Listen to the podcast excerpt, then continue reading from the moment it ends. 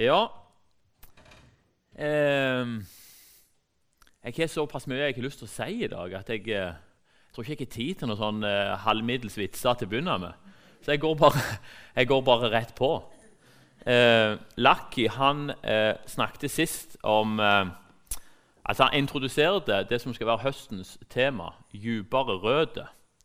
Eh, og han, eh, han snakket litt om hvordan vi er forankra. Vi står i noe. Eh, og hvordan vi står i Bibelen. Og han hadde utgangspunkt i Salme 1. Eh, I dag skal vi egentlig fortsette litt i det samme sporet, faktisk òg i den samme teksten, Salme 1.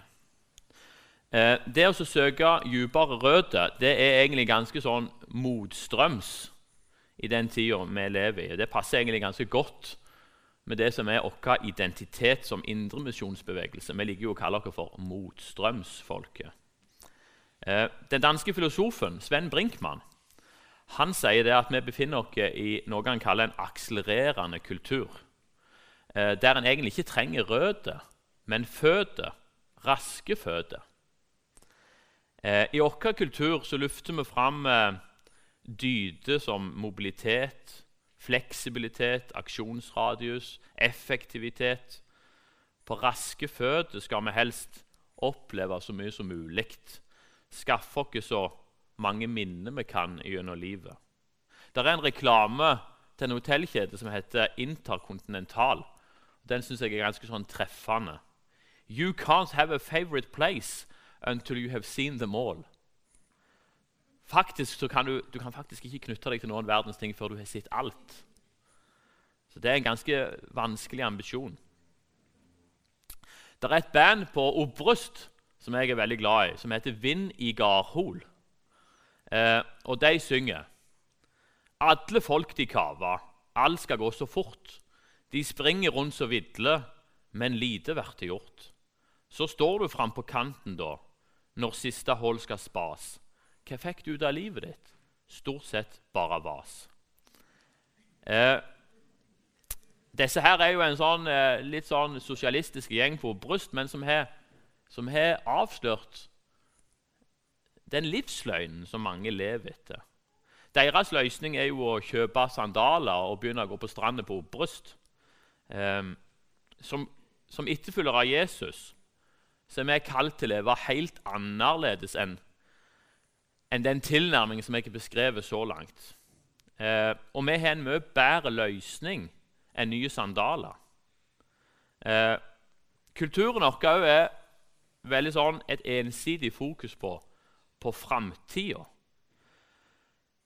Hvis du eh, står på st står i en tradisjon eller står på noe som har, vært slitesterkt gjennom lang tid, så blir du gjerne stempla som bakstreverske. Vi hører hele veien at vi lever i år 2021. Og det vi egentlig skal gjøre, er å frigjøre oss fra fortida. Det som binder oss, og det som begrenser oss på alle slags mulige måter. Eh, I stedet skal vi sitte i gruppe og lage nye visjoner. Det er framtida som skal definere oss. Eh, som etterfølger av Jesus så kan vi ikke ha et, sånn et ensidig fokus om det. For Det som i hvert fall definerer meg og oss, det er noe som skjedde på Golgata for 2000 år siden. Og vi tilhører en menneskeslekt som er skapt av Gud, som er falt med Adam. Det er noe som skjedde for lenge siden. Så vi blir definert av noe som skjedde i fortida. Og så er jo Bibelen også full av profetier. Vi har et håp og vi har et oppdrag som er knytta til framtida. Eh, det er en som heter Søren Kirkegård. Han sier det at livet må leves forlengs, men forstås baklengs. Og Det er mye mer rett. Eh, og Som kristne så kan vi ikke velge en av delene, fortid eller framtid. Vi lever i det spenningsfeltet hele veien. Når vi skal gå gjennom Salme 1 nå, så skal ikke vi befinne oss i tretoppene og speide etter nye visjoner. Eh, vi skal heller prøve å forfølge røttene våre nedover mot kilden. Eh, og Siden det har vært eh, ferie, som er en sånn høysesong for, for glede og lykke, så vil fokuset ligge der til å begynne med. Eh, og Jeg vil ha spesielt fokus på det første ordet i salmen, 'salig', og det fjerde ordet i vers 2, 'glede'. Eh, sommeren er som sagt over. Eh, og det har jo vært en eh, høysesong for glede og lykke. Alle har vi, enten vi vil eller ikke, deltok i den årlige kollektive konkurransen som går ut på å produsere mest mulig glede på kortest mulig tid. Det gjelder å ha det gøy, skape minner, samle opplevelser, ta flotte bilder og dokumentere at vi er lykkelige. Det var en kollega av meg som sa jeg trodde jeg hadde hatt en fin sommerferie helt til jeg sveipet innom Instagram. Ja, er det denne gleden Salme 1 snakker om? Hva slags glede er det egentlig vi snakker om her? Hvor kommer den ifra? Og hva er rota til gleden? Det er det vi skal prøve å finne ut. Og Da begynner vi med det ordet 'salig', som kommer av et tysk ord som heter 'salich'. Fra middelalderen, fant jeg ut. Og Det betyr intens lykke. Fullkomment lykkelig. Eh, og Kanskje skal vi dvele litt over, over lykke. For det, eh, vi mennesker vi søker glede og lykke. Hele veien gjør vi det. Det er på en måte en sånn et eh, Magnar snakket om hjertet. Det er sånn et vakuum i hjertet vårt. Vi vet, vi vet at noe mangler. Vi vet at noe er ødelagt. Vi vet at den verden vi lever i, det er, ikke, det er ikke sånn en perfekt verden egentlig skal se ut.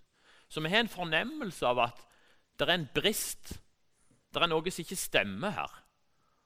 Eh, og det vakuumet det har vært der helt siden vi ble atskilt fra faren vår. Så var det noe som ble revet ut, så det er et tomrom der. Eh, og det kjenner vi på hele veien. Og vi prøver febrilsk å fylle det vakuumet med all slags mulige ting. Men det vakuumet er nesten sånn som de der, de der svarte hullene i verdensrommet. Uansett hva vi stapper inn i det vakuumet der, så blir det bare absorbert. Og så forsvinner det. Og så er vakuumet tilbake igjen utrolig fort. Jeg er jo eh, Liverpool-supporter. Og jeg har venta fra 1990. Det gikk 30 år. Så venta jeg på at Liverpool skulle vinne ligaen.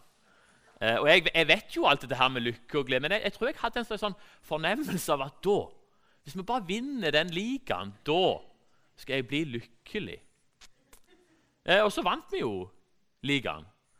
Men jeg ble så utrolig sånn Jeg visste jo om dette med vakuum, men at det skulle gå så fort. Det gikk bare et par dager. Så begynte hun bare å tenke tenk hvis United vinner ligaen neste år. Tenk på alt vi har å tape. Så var bare vakuumet enda større.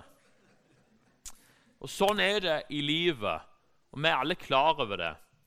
En fransk apologet som levde på 1600, Pascal, han sier det at menneskets storhet det ligger nettopp i dette at vi kan erkjenne vår egen elendighet. Vi vet det er noe som mangler. Eh, og Så kan vi spørre oss, vi som lever i denne moderne verden med denne moderne og avanserte teknologien og all vår empiriske forskning om vi egentlig har gjort noe framskritt når det gjelder lykke. Jeg er historielærer. Hvis vi, hvis vi leser dagbøker, journaler og ser på det som forfedrene våre har skrevet, så, jeg, så spør jeg meg sjøl Ser vi i de kildene like mye sjølmedlidenhet som vi ser i dag? Så mye kjedsomhet, så mye tomhet, så mye meningsløshet, så mye mental fortvilelse? som vi ser rundt oss. Bibelen sier at fra begynnelsen av, helt fra starten av, så er ikke lykke noe som kan påvises gjennom empirisk forskning eller har sitt opphav i moderne teknologi. Bibelen sier det som gjør et menneske lykkelig eller ulykkelig, det er grunnleggende åndelig. Det er noe helt annet. Så Bibelen har en helt annen fortelling, en helt annen vei enn det som denne moderne verden viser oss. Hvis dere går i en bokhandel, så er det til med egne reoler nå for lykke. Det heter selvhjelp, selvutvikling, En snakker om sjølutfoldelse, coaching. ikke sant? Det er mange oppskrifter på denne veien mot gleden som denne verden gir. Men ingen av dem vil føre fram. Den veien som eh, Salme 1 viser, den fører fram. Eh, og Det er fire prinsipper i denne teksten som jeg skal prøve å ta utgangspunkt i. Og Det er ikke noe som har blitt åpenbart for meg, men for en annen som heter Timothy Keller. Eh, og når jeg hørte han la ut den teksten, så var det utrolig sånn klargjørende for meg. Så, så, min jobb er egentlig bare å viderebringe det han sa, og så håper jeg at det kan være klargjørende for dere òg. Eh, og det første punktet som vi ser i teksten her, det er at lykke er mulig. For det står 'salige er den'. Så det, det, går faktisk an. Det går faktisk an å fylle det tomrommet. Lykke er mulig. Det er et ekstremt håpefullt utsagn som vi ser her i Salme 1. Vi har jo ofte to sånne grunnholdninger til, til lykke. Eh, jeg husker Til å begynne med i mitt liv så tenkte jeg at lykke er naturlig. Hvis jeg ikke vaser det vekk da, Jeg så jo at det var ulykkelige folk, men det var jo de som hadde vast det til og rota seg opp i ting og diverse. Eh, og så fikk jeg sånn mange vink underveis. Jeg lærte tidlig eh, Mamma pappa og bankene driver jo med sånn propaganda. Du må spare pengene. Så jeg sparte bursdagspengene, gjorde alle de rette tingene. Måtte gjøre leksene skikkelig for å få meg en jobb. Jeg måtte få meg ei, ei god kone. Far min var veldig på at du må få deg ei kone som er fra gard. Det klarte jeg faktisk òg å få til. Eh, så hvis du bare Hvis du bare var smart nok, ikke sant? Hvis du bare fulgte den oppskriften som kulturen sa jeg skulle gjøre, så ville jeg bli lykkelig. Eh, etter hvert som tida går, når du til og med passerer 40, så, så oppdager du at lykke ikke er i nærheten av å være så enkel som en først trodde. Og Faktisk så innser en kanskje at det er de mest suksessfulle, de mest erfarne, de mest talentfulle, som er de mest kyniske og ser ulykkeligst ut. Eh, så For min del var det jo sånn at jeg begynte livet med å tenke at lykke er naturlig, og så ender vi nesten opp med å tenke at lykke er uoppnåelig. Men Bibelen forteller oss, og Salmen forteller oss at lykke er mulig. Og Da er det store spørsmålet hvis lykke er mulig, hvorfor er ikke flere lykkelige? Og Svaret Salme 1 gir, det er at vi søker lykken på feil måte. Eh, og Den første grøfta og det, første, det, andre prinsippet det er at den, den, den, lykken, eller den gleden, den saligheten som det står om her, eh, det er ikke en eh, overfladiske glede. Det er en dyp glede. Eh, og Det er ikke nødvendigvis en glede som vi ofte forbinder, eller kulturen vår forbinder med, med, lykke og glede.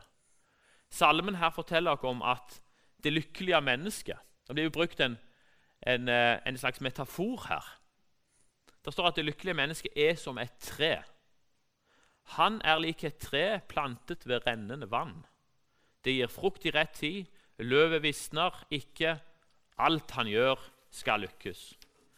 Dette treet her, som alle andre tre, er underlagt sesonger. Eh, det er ikke alltid frukt på treet. Det blomstrer ikke hele veien. Det kan erfare en kald vinter, en knusktørr sommer. Og treet kjenner sesongene.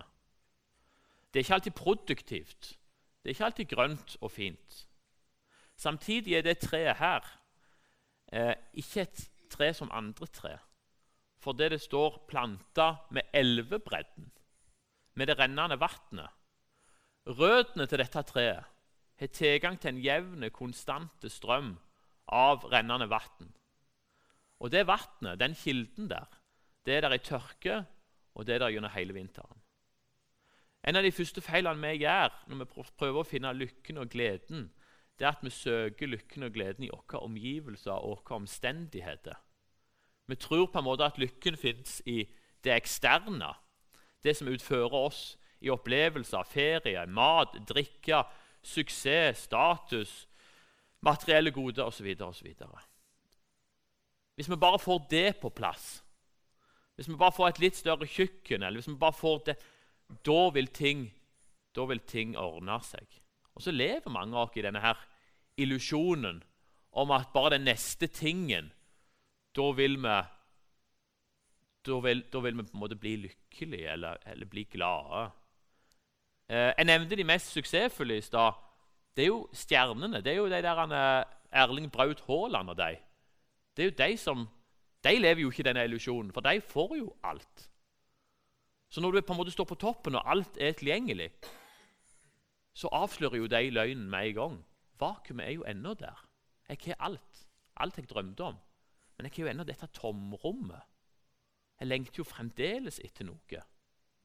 Så de avslører løgn, men, men mange av oss andre vi står i fare for å leve denne illusjonen hele veien. Bibelen forteller oss at lykken fins en helt annen plass. Hvis du søker lykken i omgivelsene og omstendighetene dine, så vil du ikke finne den.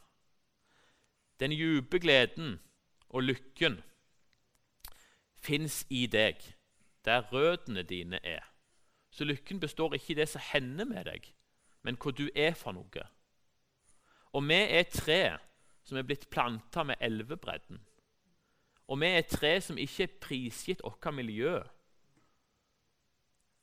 Bibelen forteller oss gang på gang at en kristen eller en etterfølger ikke er bare en religiøs person som er snill og gjør gode ting.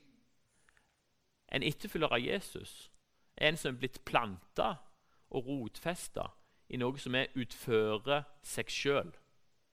Han har sin glede en annen plass. Det er derfor Bibelen taler om å bli født på ny. I 2. Peter så kan vi lese eh, at vi tatt del i guddommelig natur. Noe er blitt planta inn i oss. Vi er blitt en del av noe. Vi er rotfesta i Gud. Et tre kan aldri plante seg sjøl. Noen har planta deg med elvebredden. Og Det er først nå det er kraft åpenbaring, noe som ikke var der før. Og nå er vi på sporet av den dype gleden. Den gleden vi leser om her. I 1. Peter 1,6 står det Derfor kan dere juble av glede, selv om dere nå en kort tid, om så må være, har det tungt i mange slags prøvelser. For oss moderne mennesker er det nesten eh, en sjølimotsigelse. Det går ikke an. For prøvelser, smerte og lidelse er så fjernt at det kan aldri, det kan aldri være det og glede på en gang. Det står jo i en motsetningsforhold til hverandre. Men her står det tydelig i teksten.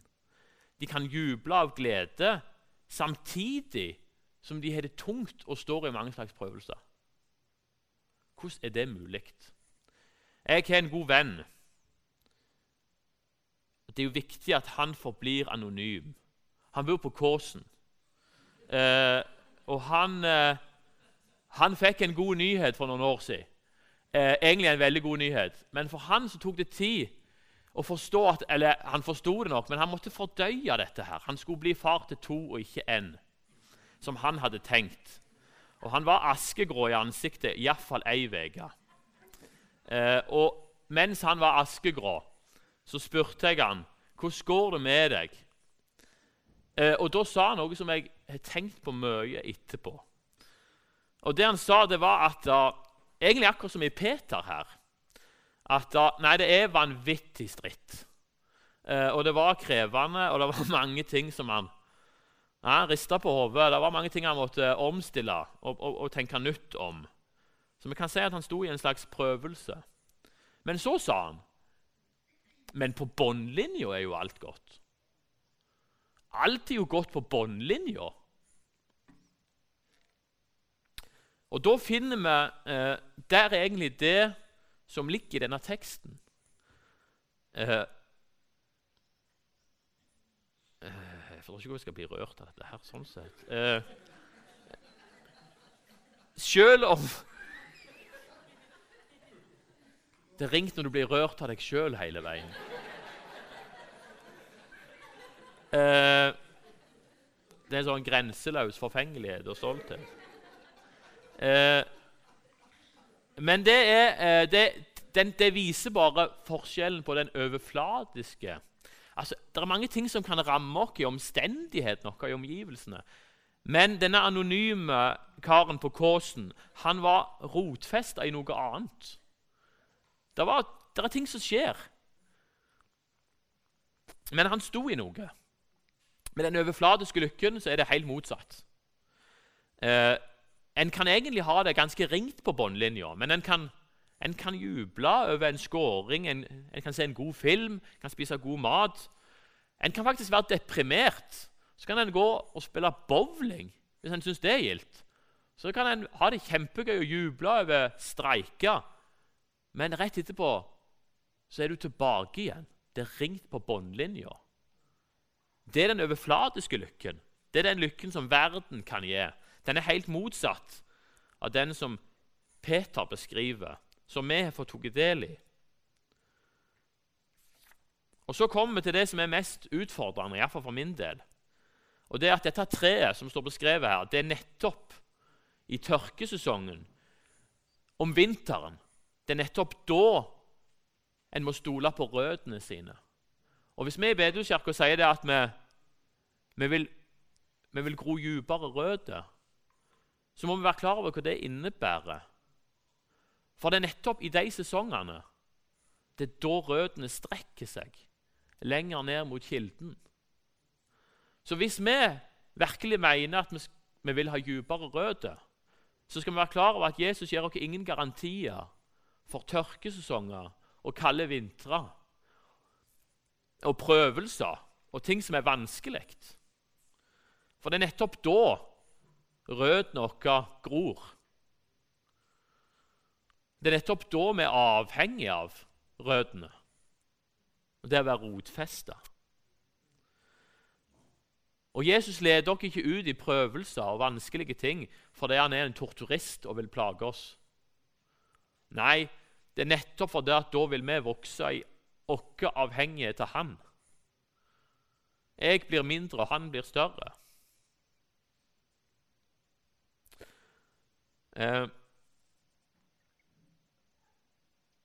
Så den grunnleggende, den grunnleggende gleden, den er sånn at han faktisk blir stimulert av vanskelige perioder, av vanskelige ting, hendelser, kriser. Eh, og den må aldri bli forveksla med å være i godt humør eller være positiv og sånne ting. Det er heldigvis veldig mye mer enn det. Eh, vi, på, vi, fikk erfare noe av dette i sommer. Da var vi på ferie. Og vi var jo inne i eh, Vi er jo eh, alltid ivrige deltakere i den kollektive konkurransen. om det gøyest mulig. Så jeg har med meg speilreflekskamera og tar 2000-3000 bilder og dokumenterer hvor gildt vi har det. Eh, for vi skal ha det enormt gildt, og vi skal oppleve enormt mye. Og så har jeg skrevet 'ingenting galt i dette' i parentes. Og det er jo helt rett. Det er ingenting galt i det. Eh, men det er ikke det som er poenget mitt. Eh, midt i eh, all gleden så fikk vi en telefon om at en veldig god venn eh, hadde blitt veldig mye dårligere og kom til å dø. Så vi måtte kansellere en del ting. og så eh, Dagen etterpå så var vi på vei hjem til Jæren. Og så rakk vi ikke fram, for vedkommende døde før vi kom fram. Så for oss ble det en sånn fra Bø sommerland til begravelse på Klepp. Eh, men da fikk vi erfare litt av det som står her. Eh, det paradoksale. For faktisk så var det i møte med tap og sorg at en kom i kontakt med det som er dypere. I fortvilelsen, avmakten og sorgen så nytta det lite å tenke på at jeg freste ned magesuget noen dager før. Det var ikke så mye å hente her. Eh, men det var noe i røttene.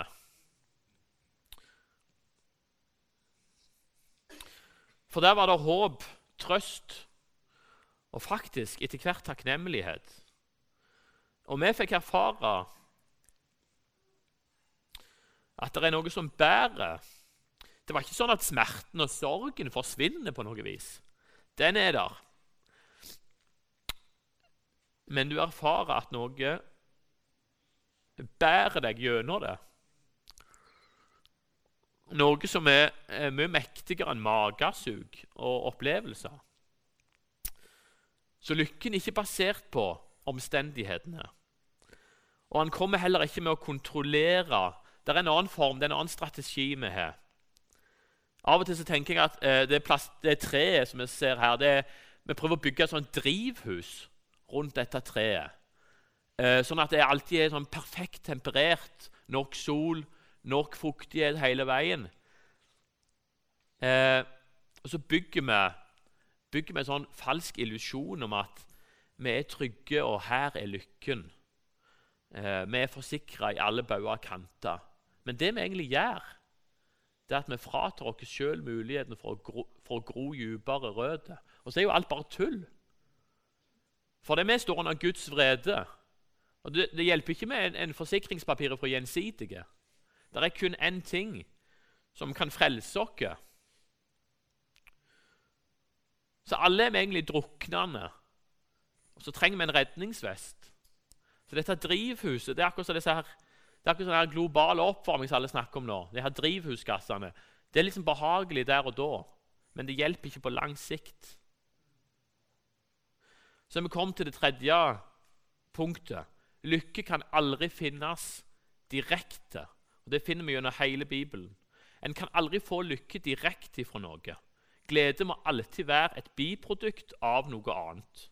Det står aldri i Bibelen 'salig er de som søker salighet', eller 'velsignet er de som søker velsignelse'.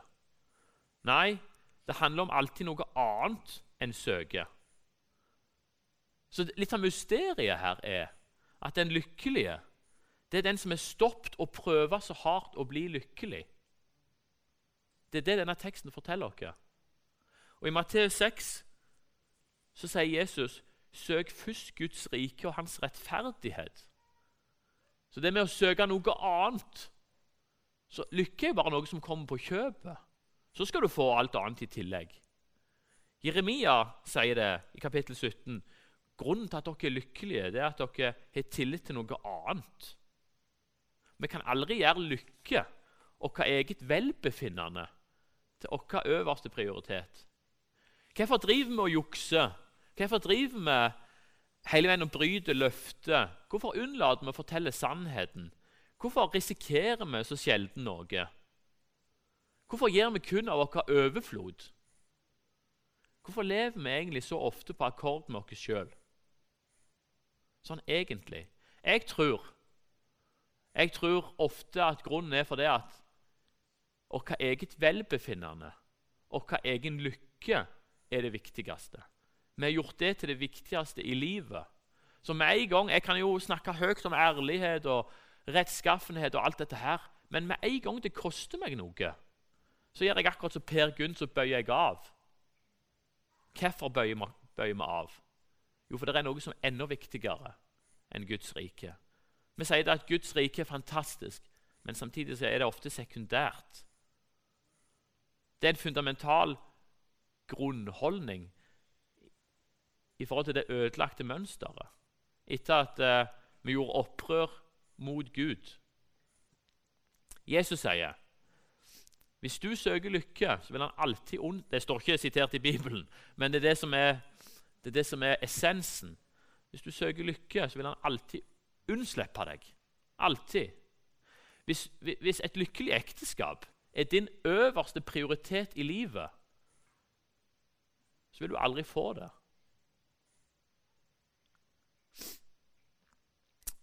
Hvis du, hvis du kommer til en Gud, og hvis du er en etterfølger fordi du tror at det kan gi deg en, en god livsstil, et godt liv Og det det, du, kommer, du kommer til Gud på det grunnlaget. Så kommer du ikke til en Gud. Du kommer til en butler. Den eneste måten å komme til Gud på, det er å, det er det er å komme helt uten betingelser. Og si 'glem lykke'. Jeg skylder deg alt, du skylder meg ingenting. Det er noe helt annet enn å komme til Gud og si 'Jeg kan komme til deg', men da skylder du meg en hel del.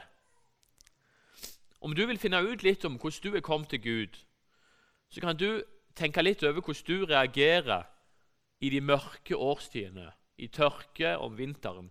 Hvordan er det du tenker da? For hvis du tenker Hva er vitsen med disse her huskjerkene? Det er, jo, det er jo drittungt nå uansett. Hvorfor ble jeg med på det her bibelleseplanen? Jeg får jo ingenting utbytte.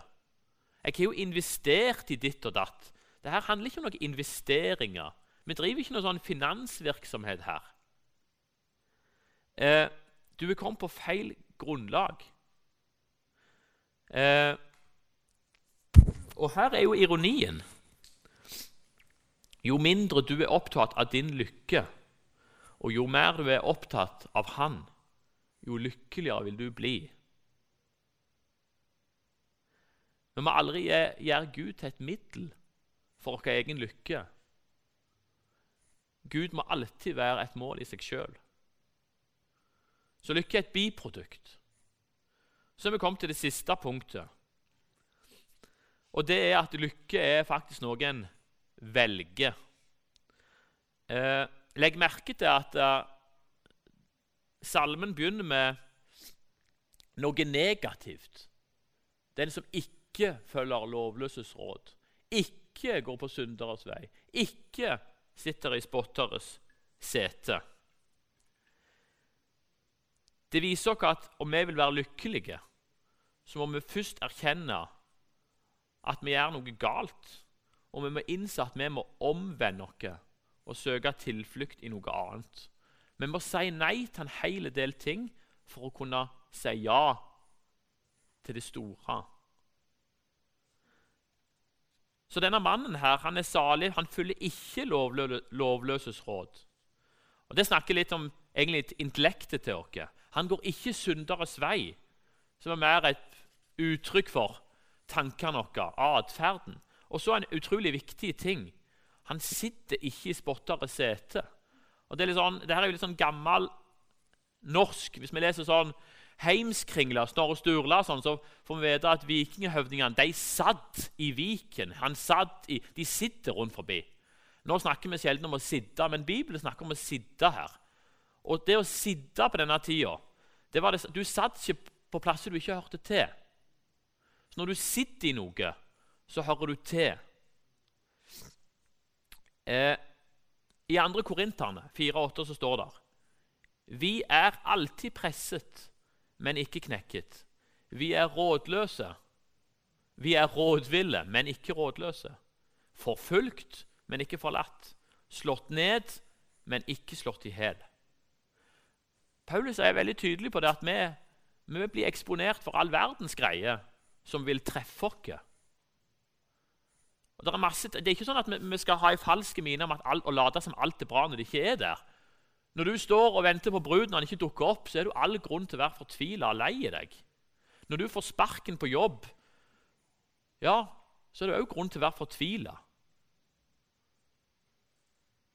Men det er forskjell på å ha tillit til jobben eller ektefellen og gjøre ektefellen eller jobben til sin tilflukt i livet.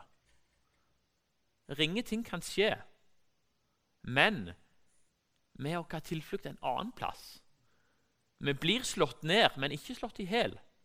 Vi blir forfulgt, men ikke forlatt. Fordi vi sitter i noe annet. Vi sitter med elvebredd. Vi er kobla på en kilde. Hvem dirigerer symfonien i ditt liv? Hvor er det du sitter hen? Hva er det som eier deg?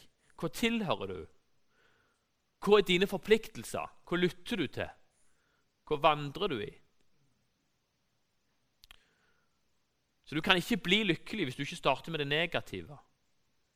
Jeg må vende meg vekk fra noen ting som jeg tror jeg ikke tilhørt for lenge. Og Som kristne så er vi aldri i resignasjon. Vi er aldri i, bunn, i bunnløs fortvilelse. Hvis vi er det, så sitter vi på feil plass. Og Så har vi det positivt betinga. For hva er det han gjør? Jo, han, gled, han har sin glede i Herrens lov, denne mannen her. Og han grunner på han dag og natt. Og Mange tror dette her, det var Lakki inne på sist søndag, at, at Herrens lov kun handler om lover og forskrifter. Eh, men det gjør ikke det.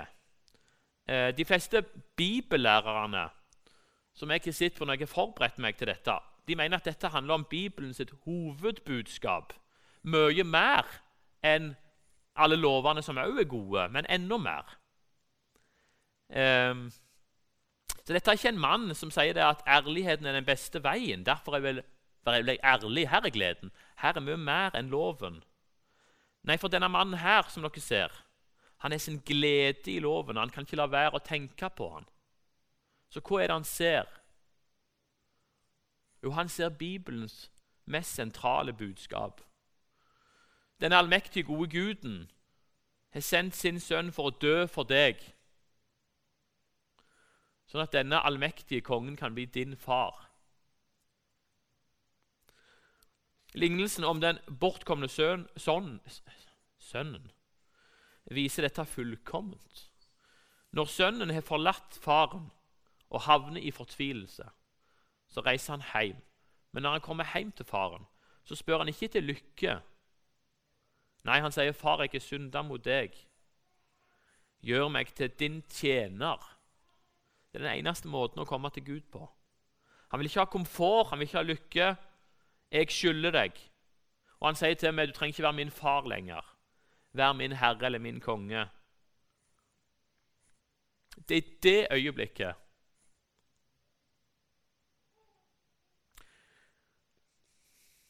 Kongen forvandles til far.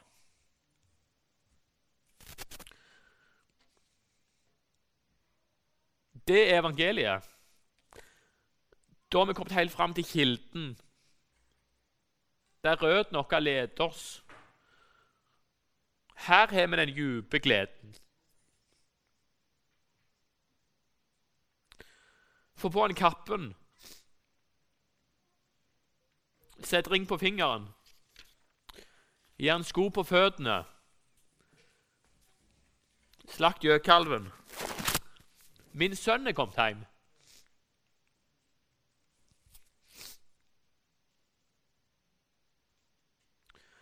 Vi skal ha fest. Eh, det er jo, det er jo dette som er evangeliet.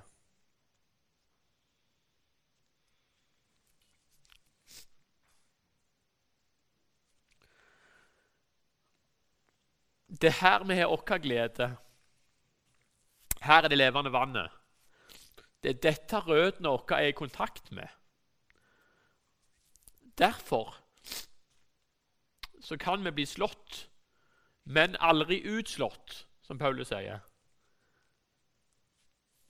For vi er som et tre planta med dette rennende vannet her. Og dette vannet, det er Herrens lov. Det er evangeliet. Det er derfor bladene er grønne, selv i tørke og kulde. Et liv i etterfølgelse det, deg, det vil gjøre deg mer bedrøvet, men òg mer glad. Du blir mer oppmerksom. Håp og trøsten gir oss mulighet til å være ærlige om livet. Man kjenner mye mer på denne verdens smerte, mye mer enn før. Men samtidig så er vi en djup glede og fred for det vi vet vi er tilgitt. Syndet er sona, og vi er blitt forsona med Far i himmelen. Og gleden overvelder sorgen. Det er disippellivet. Det er røttene. Så vi må lytte til evangeliet. Må det aldri bli en selvfølge. Reduseres til en av mange forsikringer vi har.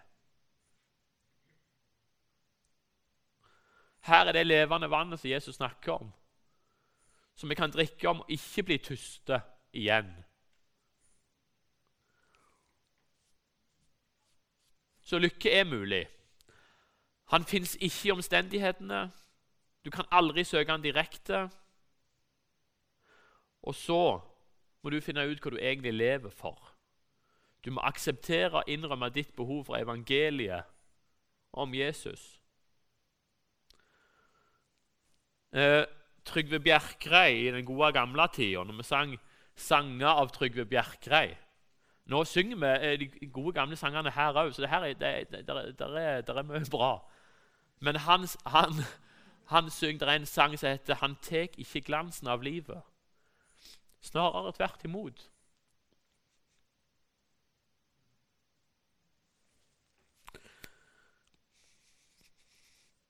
Det er han som gir livet glans. Eh, kanskje har du forvilla deg vekk en plass. Kanskje sitter du Kanskje sitter du på plasser du ikke skal sitte. Kanskje er det ting du må omvende deg ifra. Kanskje har du eh, sakte, men sikkert begynt å søke lykken i omstendighetene dine. Kanskje har du gjort ditt eget velbefinnende, din egen lykke, til den øverste prioriteten i ditt liv. Eh, I dag så kan du ta et skritt i en annen retning. Gå til Jesus. Snakk om det med noen. Vær ærlige. Ta det opp i huskirka. Gå noen skritt sammen. For Vi står planta på elvebredden. Vi trenger ikke gå noen andre plasser. Våre røtter er forankra i noe annet.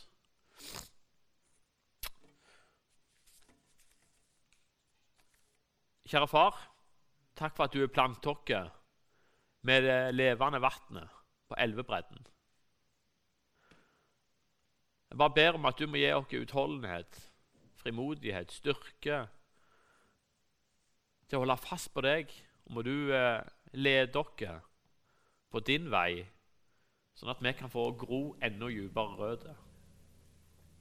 Amen.